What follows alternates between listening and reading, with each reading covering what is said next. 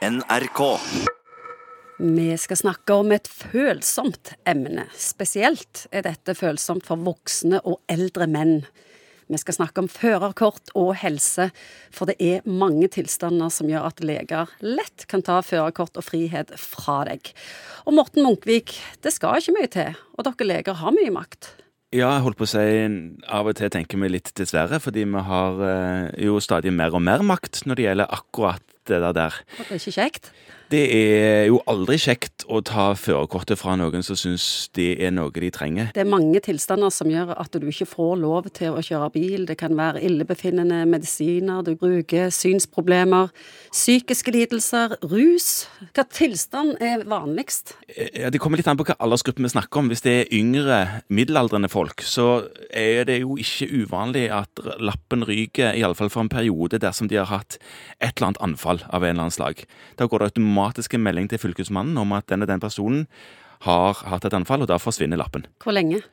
Nå, i noen tilfeller iallfall, så er det fastlegen sjøl som er den som avgjør hvor lenge en må gå uten lappen. Så har jeg lest i nettaviser at leger har tatt ifra folk lappen bare de kommer inn på kontoret og forteller at de har et rusproblem. Ja, Er det rett? Ja, sant. Her handler det jo om å avverge potensielt sett skade på andres og eget liv og eiendom. Eh, Som er en sånn tilstand eller situasjon hvor taushetsplikten blir satt til side for en opplysningsplikt og en meldeplikt. Ja, men eh, er det rett å umiddelbart gjøre det? Nei, det, det er ikke rett å gjøre det umiddelbart. Det må alltid være en vurdering som ligger bak. Er alkoholinntaket skadelig høyt, og man har grunn til å tro og mistenker at personen kjører i rusa tilstand, da er det en, til, en situasjon. Mens dersom det er en person som drikker altfor mye, men alltid er edru når han kjører bil, så går det jo an å gi seg litt grann tid på å prøve å fikse dette problemet før man eventuelt gjør en melding ut av det. Hva er din erfaring med å ta førerkortet fra folk?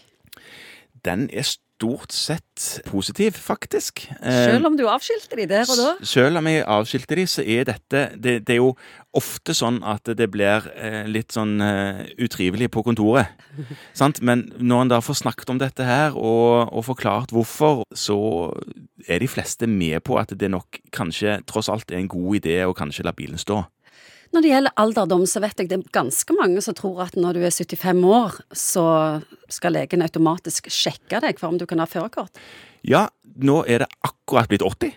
Så bra. Ja, ikke sant? Sånn at Det er fordi du, folk holder seg lenger. Ja, sant. Folk er friskere lenger, og en del følte nok en viss sånn en eh, bli kikka i kortene-type følelse når de som 74-åring måtte dra til legen for å få en attest for å få lov å kjøre bil to-tre år lenger. Så hvis du er frisk nå og går til legen og får en helseattest som 79-åring, så får du lov å kjøre bil i tre år til. Hvis alt er helt eh, tipp topp. Og det er òg sånn nå at man trenger ikke ta sånne kognitive tester. Og det er òg et viktig poeng, for det er en del syns nok òg at det var litt sånn eh, rett og slett fornedrende at de måtte bevise for legen sin at de var ved sine fulle fem og kunne årstallet og hvilken etasje de satt i og kunne tegne en klokke. Det følte de litt sånn barneskole, men trenger ikke gjøre det hver gang. Men vi skal gjøre det ved mistanke om at personen ikke er helt eh, kognitivt til stede.